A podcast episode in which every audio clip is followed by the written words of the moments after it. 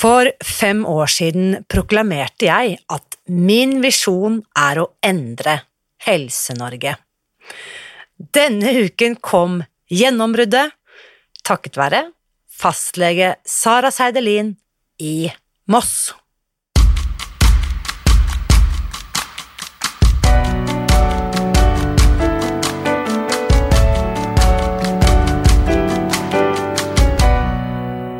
Mitt navn er Irina Li. Jeg er journalist og forlegger, gründer og sosialentreprenør.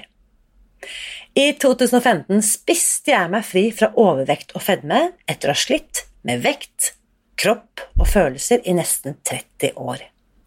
Etter at jeg fant oppskriften på å spise meg fri, ga jeg meg selv et nytt oppdrag å dele denne kunnskapen med alle som trenger det.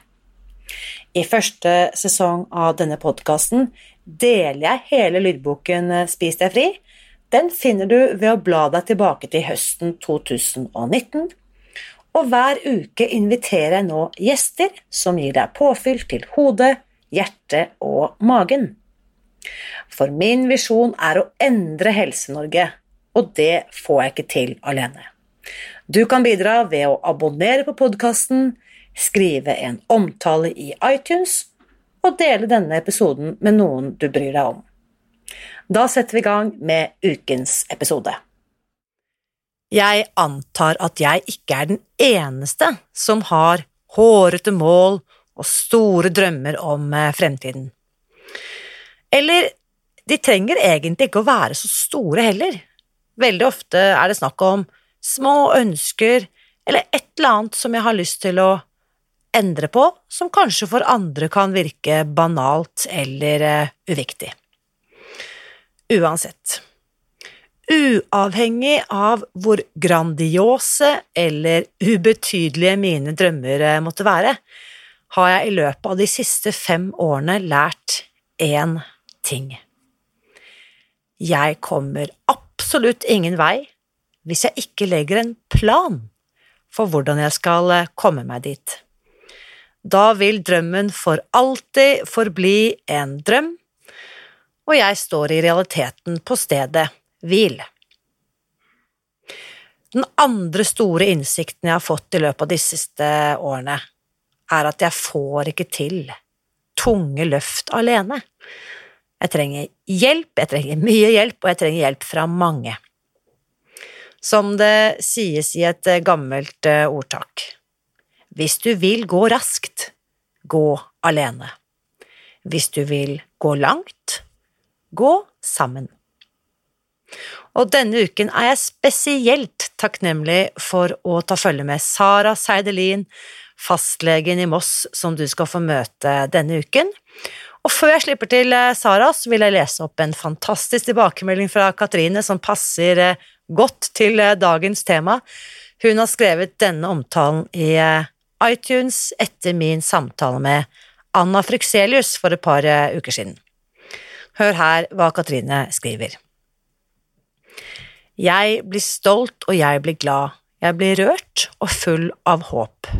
Kjære Irina og Anna, som begge setter spor i mitt liv, takk for samtalen deres. Sammen kan dere forandre Helse-Norge med alle oss som lever dette som levende eksempler på at det virker. Jeg håper Bent Høie og alle som trenger det, får med seg episoden. Hjerte-emoji, skriver Katrine. Og jeg må bare si tusen, tusen takk, Katrine. Og til alle andre som gjennom våren, sommeren, høsten og vinteren har skrevet sånne omtaler og vurderinger av denne podkasten i iTunes. Tusen takk for at eh, dere hjelper oss med å spre disse gode nyhetene ut til enda flere. Da er det på tide å ønske ukens gjest velkommen. Kjære Sarah, velkommen til podkasten. Tusen takk, Irina. Dette har jeg gledet meg til, fordi du og jeg, vi har kjent hverandre i Jeg vil si nå, det må være flere år. Eh, Fortell meg, du husker bedre enn meg, når var det du startet eh, med disse greiene her? Jeg har begynt eh, å spise eh, den, på denne måten i 16. juli 2018. 16. juli 2018, og når dette spilles inn, så er det februar 2021. Så til sommeren så har du spist deg fri i tre år. Ja. Snart tre år. Mm. Og- Og jeg elsker det. Det elsker jeg at du gjør, fordi ikke bare er du, er du, har du gjort en fantastisk innsats for din egen helse, men nettopp fordi at du jobber som fastlege i Moss, så har du muligheten til å hjelpe veldig mange andre mennesker også, Sarah. Fortell, fortell litt først om din egen reise. Hva var det som gjorde at eh, du eh, fant ut den sommeren 2018 at du skulle teste dette? Hva var det som klikket? Ja, så jeg har strevet med min vekt i hele mitt voksenliv, så jeg husker min mor hadde meg på diett da jeg var i hvert fall 15, jeg lurer på 13 år gammel. Um, så jeg har strevet med min vekt hele mitt liv. Jeg har egentlig ikke vært så veldig overvektig, men i 2018 flyttet jeg fra Moss og Råda, og så oppdaget jeg en kiosk hvor det var en så veldig fin softis, og jeg ble helt avhengig av den softisen, og vekten min bare skjøt i været. Så plutselig var jeg oppe i 92 kilo, og da ville jeg ikke være. Og så var jeg på ferie i Danmark, og jeg bare så på Facebook, og plutselig fant jeg Spiste Spis deg fri på Facebook. Og lest, lest, opp om det, så jeg har lest eh, det på engelsk og på norsk. Og jeg begynte å um, på dietten da jeg var halvveis gjennom å lese boken for første gang. Så jeg kuttet ut mel og sukker før jeg var ferdig med å finne ut hvordan jeg ellers skulle spise. Du har da Ja. Du er født i 1960, fortalte du Ja. før vi begynte, og du er da 13 eller 15 år, og du vokste opp i England, stemmer ikke det? Nei, Australia. Australia, beklager. Ja, Hva slags, hva slags slankeregime var det som var i Australia på 70-tallet? Hva slags behandling snakker vi om da? Nei, men jeg var jo ikke overvektig. Det var bare min mor som mente at jeg var overvektig den gangen. Jeg husker hun gav meg en halv grapefrukt til frokost, og så skulle jeg Jeg pleide å gå til skolen, og det var to kilometer, og så på en halv grapefrukt så følte man seg ikke særlig vel. Men jeg må si at de måltidsrytme som vi hadde i samfunnet og i min familie, passet ikke meg. Fordi jeg fikk hovedmåltid klokken syv på kvelden, og jeg må si jeg var sulten hele dagen. Mm. Så nå med Spis deg fri, så har jeg ganske fine, store måltider både til frokost og til lunsj, så at jeg er fornøyd og klarer å tenke på andre ting og andre, bruke min tid og tanke på andre ting. Fantastisk. Og da fra Australia, 70-tallet, og grapefruit-helvete, som sikkert mange kan huske og kjenne seg igjen i, eh, hvilke andre ting forsøker du da gjennom eh, livet? Å ja, men jeg har jo prøvd Weight Watchers i Australia. Jeg har prøvd um, Grete-rode, og uh, jeg har prøvd um, hmm, Og disse lavkarb, forskjellige lavkarb-dietter. Um, jeg har sikkert prøvd mange dietter, jeg har ikke skrevet en liste. ja, men jeg har jo vært på en eller to dietter ja, nesten hvert år. Bortsett fra da jeg var gravid òg, men det kan du si da. Ja. Mm. Så når du da finner dette i slutten av 50-årene, så har du altså, la meg da tenke, 40-45 år med ulike strategier bak deg, eller erfaringer. Mm. Ja, 40, Så får man endelig fred fra å tenke har jeg spist for mye? Har jeg spist for lite? Jeg må bare ta litt til. Jeg bare tar litt til bare i tilfelle. Og så etterpå uff, nei, jeg har jo spist for mye. Nå kommer jeg til å veie mer i morgen. Og så det går rundt og rundt og rundt og rundt i hodet. Yes. Ja. Så nå har jeg fred. Nå har jeg fri for det, altså. Det er så fantastisk når du forteller det, og jeg, jeg, jeg kjenner deg jo, så jeg vet at dette er noe du Mm. kan si med tyngde og, og overbevisning. Og fordi du jobber jo som fastlege. Hvor mange pasienter har du på listen din, Sarah? Jeg har 1300. 1300. Nå har det blitt altfor mye.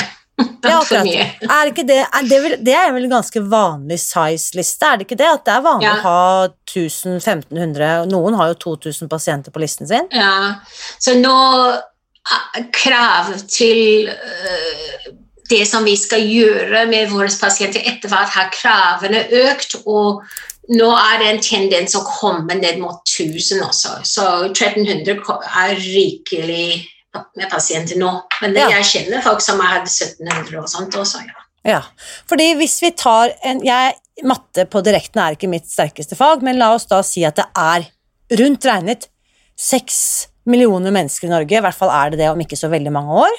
Det er cirka, hvis ikke jeg har tatt helt feil, ca. 6000 fastleger i hele landet.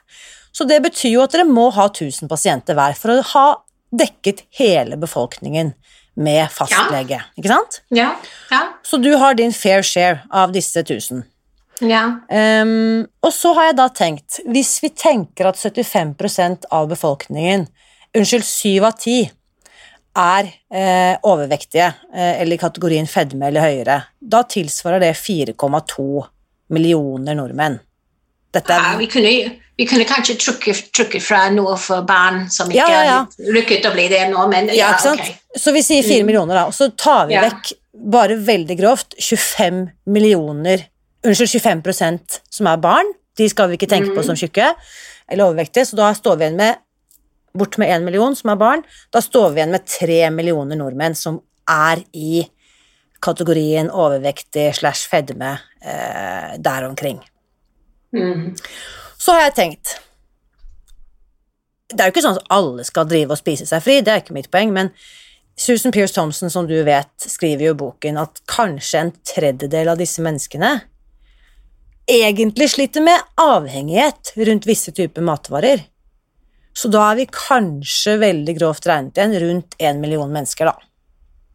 Ja. Muligens. Hva tenker du om et sånt tall hvis du ser på din liste, at av de som går til deg, 1300, hvor mange har helseplager knyttet til mat, vekt, kropp, kosthold? Utrolig mange. Så i løpet av det og jeg har jobbet i Moss siden 2004, så snart er det 17 år. Jeg jobbet i Moss. Og da begynner du med en liste, og selvfølgelig kommer noen folk og drar noen andre folk. Men jeg har jo sett på at det er mange på listen som blir bare gradvis større. Jeg går og henter dem eh, fra venterommet, og så føler jeg dem inn. Og, og de blir bredere og bredere. Jeg, jeg, blir, jeg er ganske fortvilet over tilstanden. Eh, Og man skal være diplomatisk og ikke bare buse ut med det, ikke sant? Nei. Men gjennom 17 år så ser du at din pasientgruppe blir tjukkere og tjukkere, eller tyngre og tyngre, bredere og bredere, Ja. dårligere og dårligere helse. ja.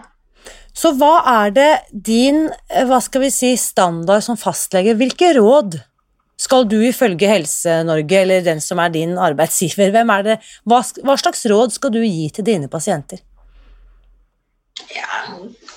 Det er jo um, ja, Nå sitter ikke jeg her med de anbefalingene, men, men det er grove brødskiver og, eh, og middag og fiske et par ganger i uken og sånne ting. ikke sant? Um, ja.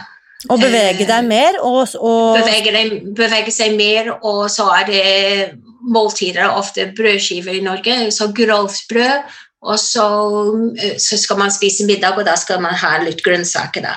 ja. Og så skal de, eh, Helsedirektoratet anbefale at du skal spise mindre og bevege deg mer. Øke, inntak, øke bevegelsen og redusere inntaket. Stort Mm. sett, da. Ja. Er det eh, Hvordan føles det for deg å Eller hvilke resultater Du har jobbet som 17 år sant, som fastlege, og 14 av de årene så visste ikke du om Spis deg fri. Hvilke resultater har den typen gullstandardråd Hvilke resultater har det ført til i din pasientgruppe? Det er jo kanskje noen få som har klart å slanke seg ned, men det er de fleste som går ned, går opp igjen. Mm. Så jeg vet fra min egen erfaring at hvis jeg trener mye, så øker matlisten min, og så da blir det veldig vanskelig å følge en diett. Yes. Så du og jeg snakker jo sammen. Du har ikke holdt på veldig lenge når vi snakker sammen første gangen. Det må ha vært den høsten 2018. Du var ganske nystartet. Eh, Ok. Og vi møtes også her på kontoret i, eh, i Oslo. Du kommer innom, og jeg husker vi har en veldig interessant samtale. Fordi det du da ganske tidlig bestemmer deg for å gjøre, er jo å fortelle eh, om Spis deg fri og dine erfaringer til noen av dine pasienter. Mm. Eh, hvorfor velger du å gjøre det? Ja, fordi jeg har veldig gode resultater på det selv, og opplever at jeg får tre ordentlige måltider og ikke går rundt sulten hele tiden og klarer å slanke meg, fordi maten det er veldig mye grønnsaker, og ja, man blir mett av dem og ikke trenger være sulten. Ja, det, det, det er et, en metode som virker. Så enkelt. Hvilke resultater har du selv fått, eh, Sarah? Du fortalte at du startet på 92 kilo i sommeren 2018. Ja, så jeg, jeg veier 74. Jeg, jeg, jeg ligger på 75 mesteparten av tiden. Jeg har egentlig mål på 72. Jeg kom ikke helt ned dit. Jeg blir veldig sulten. Jeg gjør et nytt forsøk akkurat nå. Å komme ned, så jeg er på 74. Og Ja, din så eh, 18 kilo i hvert fall. 18 kilo ned. Og eh, din BMI, hvis jeg kan spørre om det, hva snakker vi om da? Hva har den beveget seg fra? Nei, det har ikke jeg kalkulert nylig, så jeg er 1,77 høy. Um, jeg er jo innenfor normalvektig, Ja, og det var jeg ikke på 92. nettopp. Så um, dine pasienter som ser fastlegen sin forvandle seg fra uh, en stor dame på 92 kilo til en normalvektig kvinne på 74-75 kilo, hva, hvilke reaksjoner har du fått fra pasientene dine? Ja, det er noen som er veldig positive og syns det var helt fantastisk, og så er det noen andre som sier åh, du skal ikke slanke deg noe mer nå. så redd for at man har fått en spiseforstyrrelse. Jeg sier jeg spiser masse mat. Ja. Mm. Eh, det er jo det som er Det jeg har hørt andre eh, helsepersonell også si, hvis det kommer et menneske inn på klinikken som de ikke har sett på tre eller seks måneder, og vedkommende har gått ned 10-15-20-30 kilo, så vil man jo umiddelbart tenke her har det skjedd en eller annen alvorlig sykdom. Fordi det er jo så unormalt. Altså får du kreft, så, sant, så mister du vekten, eller et eller annet alvorlig skjer. Men det at folk faktisk klarer å gå ned all sin overvekt i løpet av seks måneder, det er jo unheard of. Før dette, da. riktig. Mm. Helt riktig.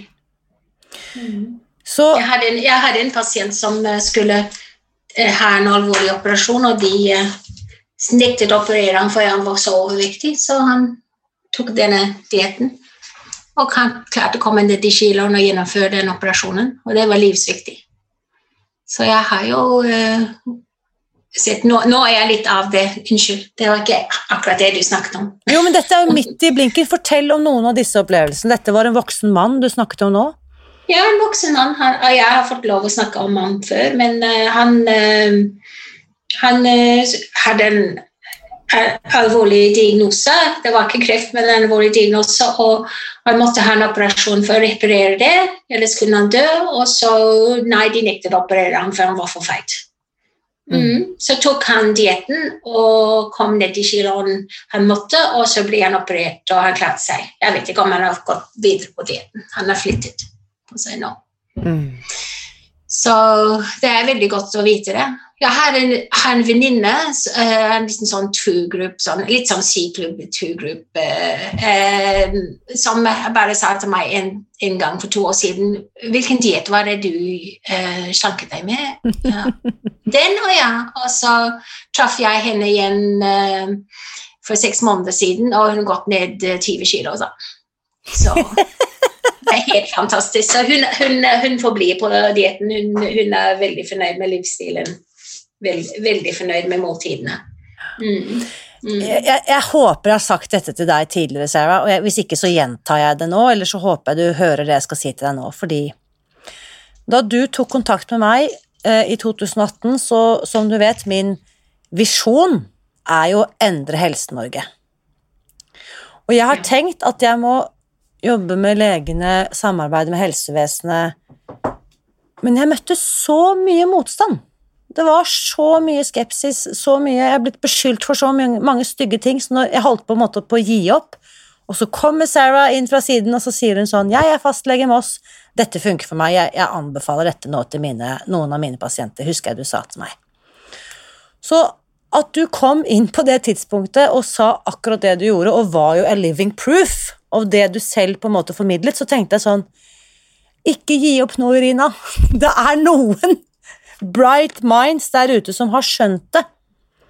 Så Sarah, mm. takk for at du ga så meg liksom Ja, men det er virkelig seriøst og ment, fordi jeg har jo ikke planer om å endre Helse-Norge alene. Dette vet jo jeg at vil kreve tiår med arbeid, og jeg har også tenkt på hvordan skal det kunne måles? Når skal du og jeg vite at yes, we did it? Så derfor var det jeg tok kontakt med deg nå eh, i går, faktisk, dagen før vi spiller inn denne episoden. Fordi nå på, for et par dager siden så fikk jeg en, jeg kan ikke si navnet, men en melding fra en fastlege som jobber her i Oslo, i en bydel i sentrumsnære strøk. Og hun forteller meg da, sånn som du også gjorde den gang, hun har oppdaget Spis deg fri, fantastisk, sånn og sånn, og så sier hun til meg, og nå må jeg bryte med retningslinjene og anbefaler nå dette til mine pasienter. Altså litt sånn under bordet, litt sånn mafiavirksomhet på bakrommet. Ikke si det, men prøv heller dette. Fordi det som jeg da skjønte når hun skrev den meldingen, at det er jo nesten litt sånn sivil ulydighet. Hvis vi skal gå mhm. bort fra Helsedirektoratets anbefalinger, ikke sant? Mm. Mm. Og så kom du med noen gode innspill, for jeg måtte da ringe til deg og høre hva sier regelverket. Har du som fastlege lov til å anbefale f.eks. da dette kostholdet, denne metoden? Ja. Det er et veldig godt spørsmål. Så jeg har spurt noen eh, kolleger bare uformelt i, går om det, bare for å få en tilbakemelding. Og så det svaret jeg får, er at så lenge som man ikke har noe økonomisk eh, gevinst av å anbefale en spesifikk diett, så kan man gjøre det. Ja, så Hvis jeg hadde betalt deg masse tusenvis av kroner for å si dette, og du ikke hadde eh, sagt noe om det, så hadde det vært korrupsjon. Da hadde det ja. vært ulovlig. Ja. Ja. Eh, men så lenge du helt eh, uavhengig anbefaler noe du tror kan være til mm. hjelp, så er det lov. Ja, jeg skal ta litt forbehold til det. Jeg skal ta det opp i en annen gruppe og, og høre. Um, fordi det er ikke Helsedirektoratets anbefalinger, men det er veldig mange ting i, i, i Bright Line Eating eller Spis deg fri som er Helsedirektorats anbefalinger. Masse grønnsaker, frukt. Det er bare de store tingene, f.eks. brød. ikke sant? Man ikke spiser brød. Mm. Mel. Mm. Og, og, jeg vet ikke om du hørte, jeg intervjuet jo Linda Granlund, som er assisterende direktør i Helsedirektoratet, for halvannet år siden, eller i hvert fall kanskje et år siden, i, i denne podkasten. Og som hun også sier, og som vi alle vet, er at 99,9% er vi jo enige om. Men det Helsedirektoratet sier, er at vi kan ikke anbefale noen å kutte ut sukker. Det kan vi ikke gjøre. Uh, og så spør jeg Hvorfor? Eller hva sier dere om alkohol? spurte jeg henne om. Og så sier Linda Granlund når det gjelder alkohol, så sier Helsedirektoratet ikke drikk alkohol for helsens skyld. Som jeg syns er et veldig godt råd. Ikke drikk alkohol for helsens skyld. For det er veldig mange som sier ja, min lege har sagt at jeg skal drikke et glass rødvin, for det er så bra for ditt og datt. Så sier Helsedirektoratet nei, drikk gjerne alkohol, men ikke drikk det for helsens skyld. Og da oppmuntrer det henne da, at jeg på en måte dultet litt bort til Helsedirektoratet, og så sier jeg kan dere ikke si det samme om sukker? Ikke spis sukker for helsens skyld.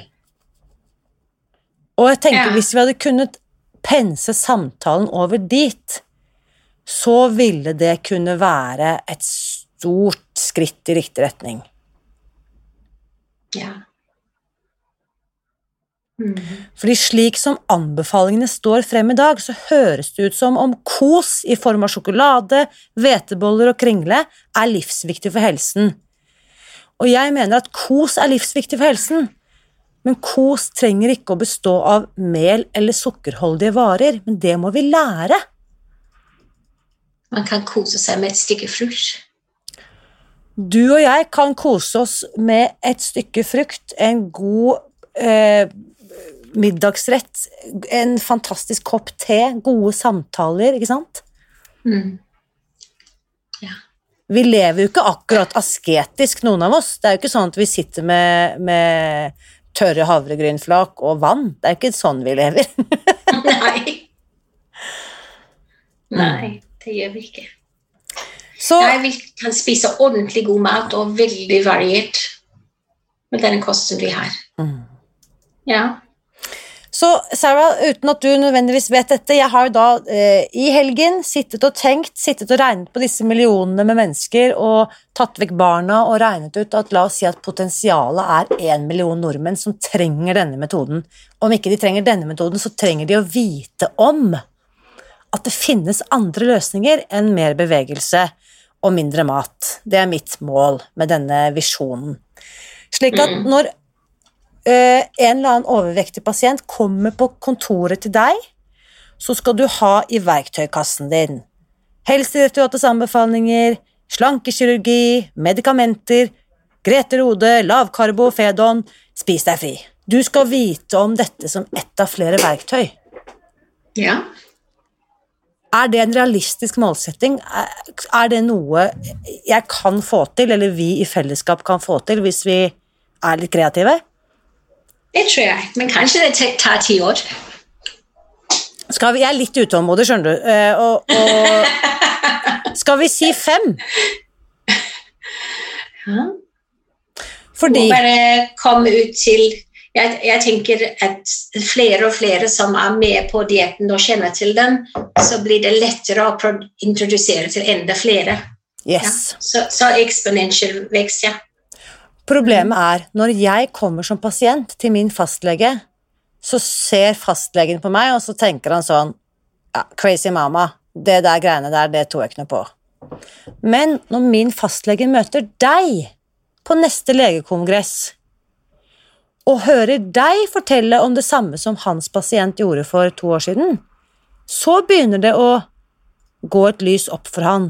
Ja, ja. Fordi jeg vet, Sarah, at du har mye større troverdighet på dette. Ja. Mm. Selv om jeg har holdt på dobbelt så lenge som deg, Mm. så har du ti ganger så stor troverdighet inn mot Helse-Norge, for å si det sånn. Mm. Så det, det er ikke alltid like lett å fortelle mine kolleger, så jeg hadde en gruppe jeg fortalte om det ganske tidlig, og, og de mennfolkene i gruppen ville ikke engang høre på det, at jeg var på en diett. Ikke sant? Det ville de ikke høre på, de var ikke interessert i det.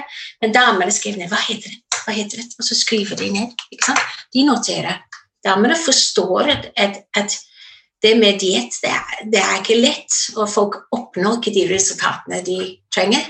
Så kanskje vi må, må, må veilede og, og gå på tokt etter, etter damelege som forstår at, at de diettanbefalingene uh, virker ikke. Jeg syns det er veldig interessant at du trekker frem kjønnsaspektet, fordi veldig mange har spurt meg Irina, hvorfor snakker du bare til damer og snakker om at dette gjelder for kvinner som skal ned i vekt, funker det ikke for menn? Så sier jeg jo, det funker akkurat like bra for menn, det funker akkurat like, effektivt, resultatene er ofte enda mer spektakulære fordi menn går ned mye raskere i vekt. Problemet er, menn snakker ikke om vekt og følelser på samme måte som kvinner.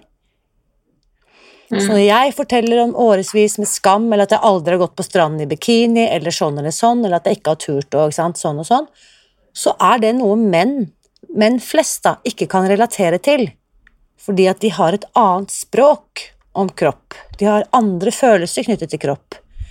Um, så jeg har bare sett at jeg har ikke valgt å snakke til kvinner, men kvinnene har valgt å lytte til meg, på en måte. Ja, ja. Og det Mm. samme forteller jo du nå, hvordan mennene i det rommet legger armene i kors og bare 'nei, det der er bare humbug', mens kvinnene lener seg litt frem på bordet og sier 'hva var det', kunne du gjenta navnet? ja, helt riktig. Så Helt riktig. Tilbake til disse 6000 fastlegene. Her er nå mattestykket jeg har lyst til å presentere, Sarah. Vi sier at vi har 6000 fastleger. La oss si at halvparten er kvinner, det vet jeg ikke om stemmen, men da er det 3000 kvinner. Og det kan godt være menn òg. 3000 fastleger, da har vi halvparten. Hvis du og jeg klarer å samle tolv fastleger i 2021 Da har jeg tenkt tolv, siden det er én fastlege per måned. Det burde vi få til. Vi er i måned to nå, men jeg, skal, jeg kjenner en annen fastlege som allerede er i gang, så da har vi deg og henne. Så jeg tror jeg skal klare å finne en ny fastlege. Det er mitt nye mål da, for to, eh, 2021. Og da har vi kommet Om et år så er vi tolv fastleger. Er du med? Ja. Og så min utfordring til deg. Tror du at du i løpet av det året som kommer, kan fortelle fire fastleger du kjenner om dette? Ja, ja. Du er godt i gang, da. Du har jo Jeg har nok med gjort det. Fordi hvis vi har de tolv, og så har jeg regnet ut med hjelp av min eh, kloke kjæreste som er mattelærer Han hjalp meg med dette regnestykket i går, og da har vi regnet oss frem til Hvis vi er tolv i år, og så er det da fire ganger så mange neste år, pluss de tolv, da har vi 60 fastleger om et år, og så fortsetter de å fortelle til fire stykker. Da passerer vi 3000 fastleger om fem år. Ok. Vi må bare, ikke bare fortelle det, vi må jo faktisk få dem til å forstå at det er noe de kan bruke. Hva er det de trenger å vite, Sarah, for at de skal forstå at dette er noe de kan bruke? De må ha noen positive erfaringer og oppleve at det faktisk virker. Ikke bare at noen bare kommer med en diett. Vi, vi, vi får post, fastleger får post om all verdens ting hele tiden. Og så det er bare en liten brøkdel man klarer å beholde av tanker og ideer. Så vi, vi, vi må øh, faktisk ha noen som øh, Ja, noen positive erfaringer med dietten og vise til at, at dette er bra. Kanskje våre um, uh, alle dine som deltar i Spis deg fri, kan snakke med fastlegene sine. og si vet du, jeg er klar til å slanke meg 30 kilo på Spis deg fri. Du kan jo anbefale det til andre på listen. Her er uh, noe kort fra Irina. Vet du hva, På det kortet Sarah, så skal det være en link til denne episoden, slik at de kan høre en kollega, en fastlegekollega, si det du gjør her. Mm.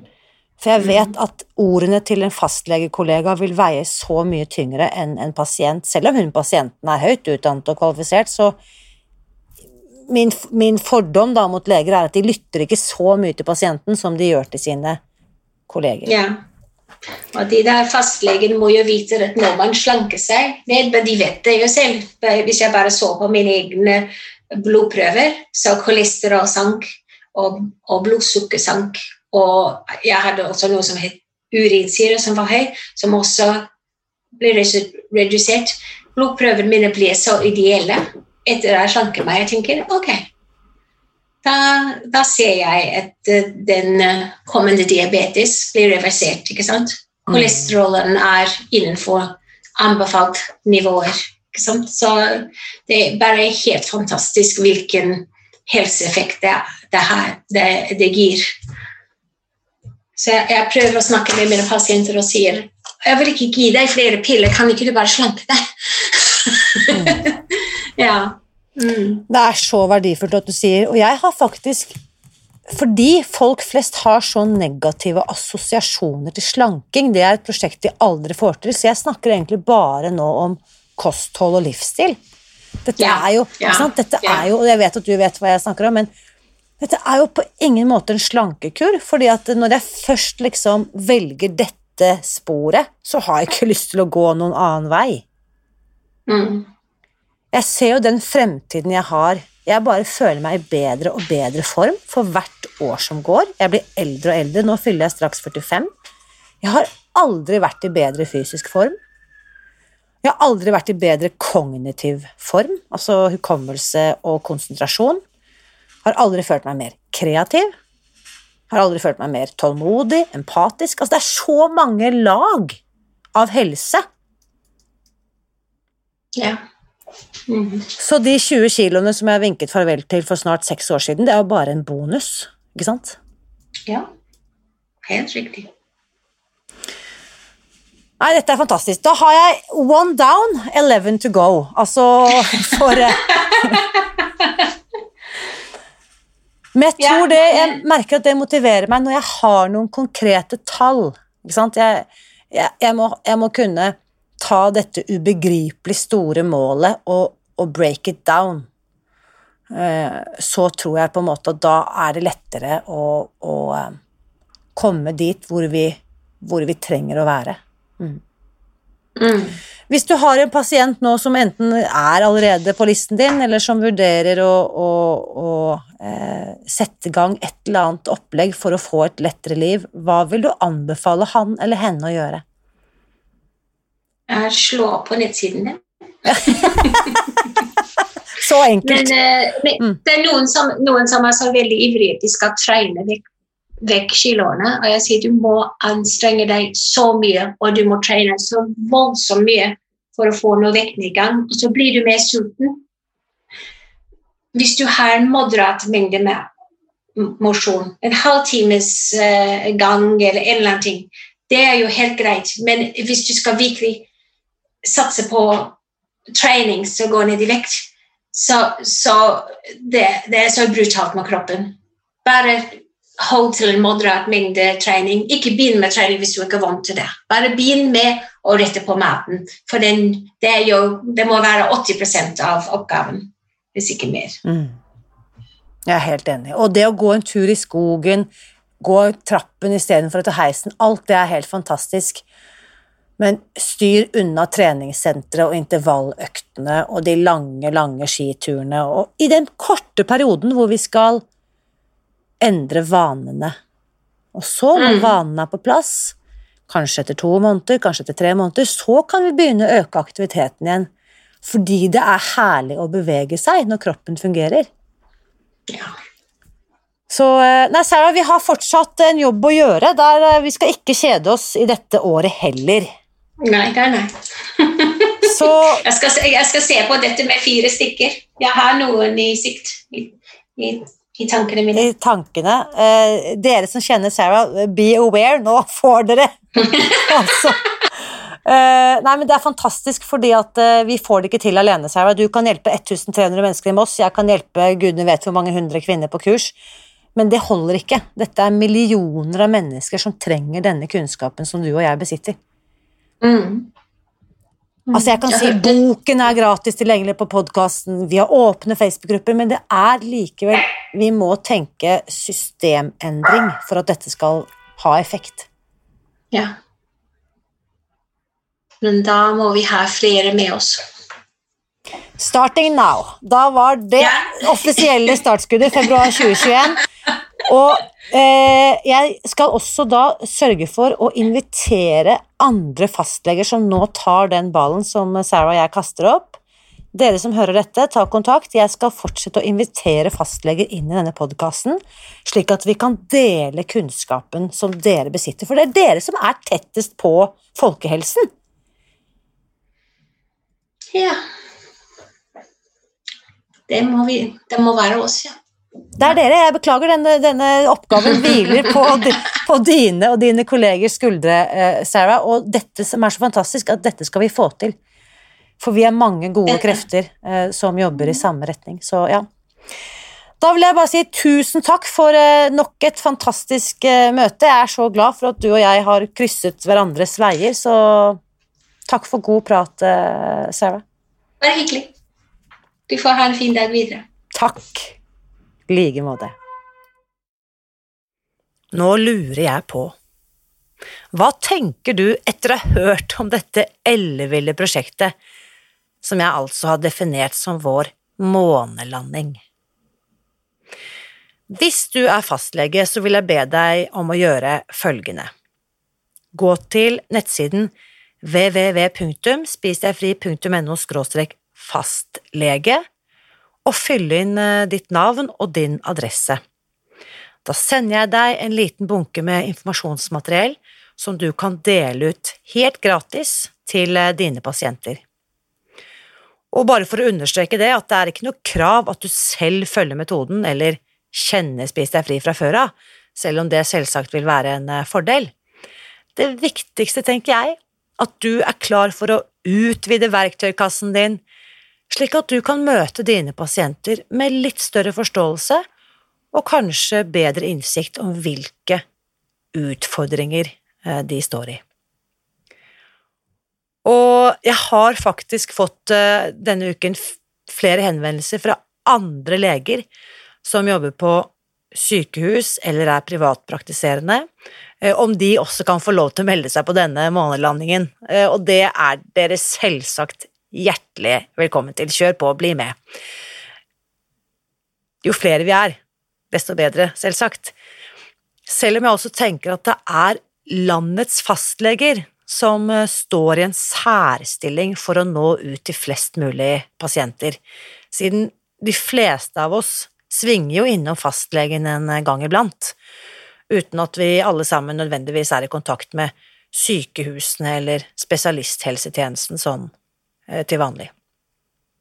Så hvis du jobber som lege, så gå til eh, www.spisdegfri.no fastlege Legg altså igjen navn og adresse, så sender jeg deg dette lille heftet, som inneholder litt fakta og noen oppskrifter som du altså kan dele ut til dine pasienter uten kostnad, verken for deg eller for dem. Og så vil jeg jo tro at det er ganske mange som lytter til denne podkasten som ikke er fastleger. og hvis du som ikke er fastlege har lyst til å bidra, så vil jeg be deg om å gjøre følgende. Bestill gjerne en time hos din fastlege, og fortell dem om dine resultater, dersom du allerede er i gang med å spise deg fri, eller bare for å be dem om å lytte til denne podkasten, episode nummer 79. For jeg tenker nemlig at kloke og kompetente fastleger bør være i stand til å lytte og lære av sine lytte til og lære av sine pasienter. Og hvis du ikke opplever at uh, din fastlege er spesielt interessert, eller at, at, han eller hun møter deg på en måte som føles bra ut, så ja, da vil jeg rett og slett oppmuntre deg til å bytte fastlege, uh, for det kan du nemlig gjøre to ganger i året uh, i løpet av noen få tastetrykk inne på helsenorge.no. Jeg gjorde det selv i fjor etter at min kjære fastlege gjennom mange, mange år sluttet på sin praksis, så nå har jeg funnet en ny, fantastisk eh, fastlege inne på helsenorge.no. Um, ehm, og hvis du tenker at du også som privatperson skulle gjerne ha tilgang på disse informasjonsheftene, selv om du ikke er helsepersonell eller fastlege, så skal du selvsagt få det, du også. Du kan laste det ned uh, fra nettsiden vår. Så uh, et gratis utdrag av boken Spis deg fri, hvor du kan lese forordet og lese de første kapitlene helt gratis. Den finner du på www.spisdegfri.no minibok. Eh, og disse enkle, dette heftet med enkle oppskrifter til frokost, lunsj og middag, som er spesiallaget for kvinner som ønsker å gå ned i vekt, de kan du laste ned på www.spisdegfri.no smakebiter, eh, og begge deler er altså helt gratis. Til slutt, som vanlig, eh, må jeg minne om at samtalen etter ukens episode fortsetter i den åpne Facebook-gruppen vår Spis deg fri, og jeg gleder meg til å lese dine takeaways etter alt vi har snakket om i dag. Um, og så vil jeg veldig gjerne at du skal komme med forslag og lansere dine innspill om hvordan vi sammen kan nå våre hårete mål og lande på månen så fort som overhodet mulig. For jeg kjenner nå, eh, denne uken Når vi nå er inne i den siste vinteruken før våren skal komme, eh, og nye frø skal sås, så kjenner jeg rett og slett at det å få denne kunnskapen ut til alle som trenger det, det føles viktigere enn noen gang. For det handler faktisk om liv og helse, og vi har ingen tid å miste. Så takk for din interesse, og vit at du er med på å endre Helse-Norge. Én pasient om gangen. Og uansett hvor mange ganger du har forsøkt å nå dine store og små mål, så vit at jeg heier på deg. Alltid.